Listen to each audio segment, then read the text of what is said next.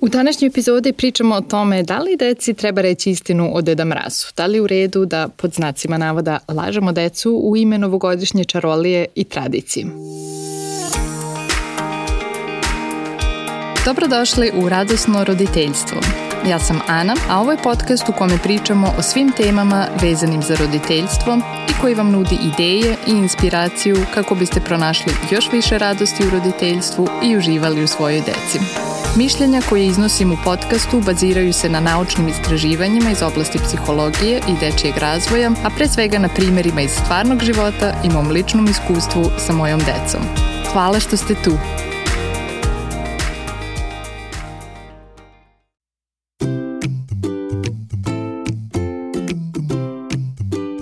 Novogodišnji i božićni praznici su vreme kada se za mnoge od nas postavi pitanje u vezi Deda Mraza. Da li je verovanje u Deda Mraza nešto što je tradicija, nešto što je zabavno, uzbudljivo i čarobno za našu decu ili je možda nešto što će narušiti njihovo poverenje u nas? Kako da reagujemo ako nas dete pita da li Deda Mraz stvarno postoji? Kako ćemo im posle nekoliko godina pretvaranja da Deda Mraz postoji jednog dana reći da smo ih sve vreme lagali? Ovo je naravno nešto što se odnosi i na druge izmišljene likove u koje deca veruju, kao što su vila koja odnosi cucle, zubić vila ili uskršnji zeka.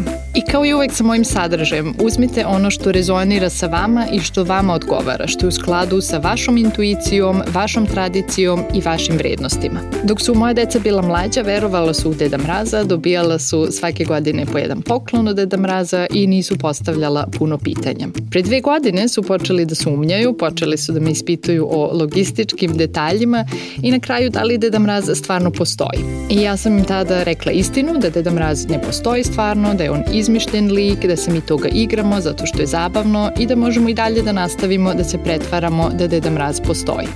Kada nas dete pita da li Deda Mraz stvarno postoji, moglo bi se reći nešto poput Deda Mraz nije stvaran, ali je stvaran u našoj mašti ili puno ljudi se pretvara da Deda Mraz stvarno postoji, da li ti želiš da se to pretvaramo.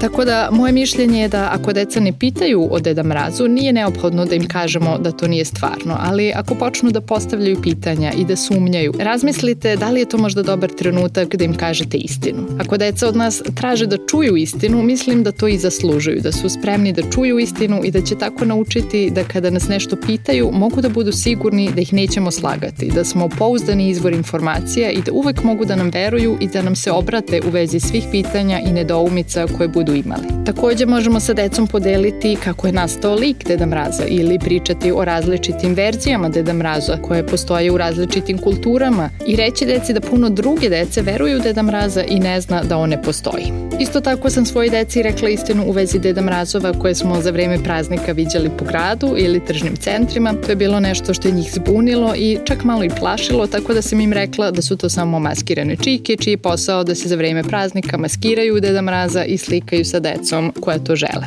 I ono što sam primetila je da činjenica da moja deca znaju istinu nije ni malo umanjila čaroliju. Još uvek pišemo pisma Deda Mrazu, deca dobijaju po jedan poklon od Deda Mraza i to je deo naše porodične tradicije. Samo zato što deca znaju da nešto ne postoji, ne znači da neće uživati u pretvaranju i da im to neće biti zabavno i uzbudljivo. To ste verovatno već i primetili, kada se deca nečega igraju, za njih je to u tom trenutku stvarnost i oni iskreno uživaju u tome. Ako je Deda Mraz deo vaše porodične tradicije, uživajte i dalje u tome, kao što bi uživali u nekoj igri. Ne morate da se pretvarate da je to stvarno, da bi bilo čarobno. Neka deca će možda biti i opuštenija i manje zbunjena ili zabrinuta kada znaju istinu. Neće morati da se pitaju kako Deda Mraz to sve uspe, kako irvasi mogu da lete, kako ulazi u našu kuću, a i mi nećemo morati da smišljamo kreativne odgovore. Takođe, ne preporučujem da koristimo Deda Mraza kako bismo uticali na dečije ponašanje. Ako si dobra, dobit ćeš poklon, ako me ne slušaš, nećeš dobiti ništa od Deda Mraza. Ovo je u mnogim porodicama isto deo tradicije koji bi trebalo da promenimo. Naravno da se lako desi da počnemo da koristimo Deda Mraza kao vaspitno sredstvo i da kažemo, na primjer, ako se ne spremiš za spavanje, nećeš dobiti ništa od Deda Mraza, ali to zaista nije Deda Mrazov posao. Njegov posao je da sazna dečije želje i donosi poklon.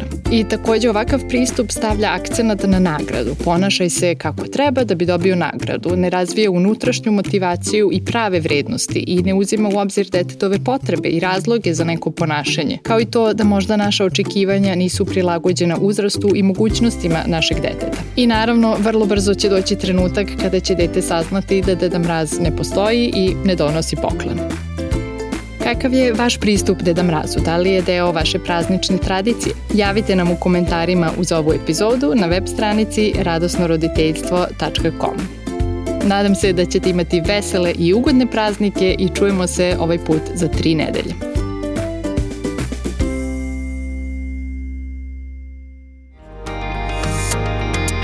Hvala što ste slušali Radosno roditeljstvo.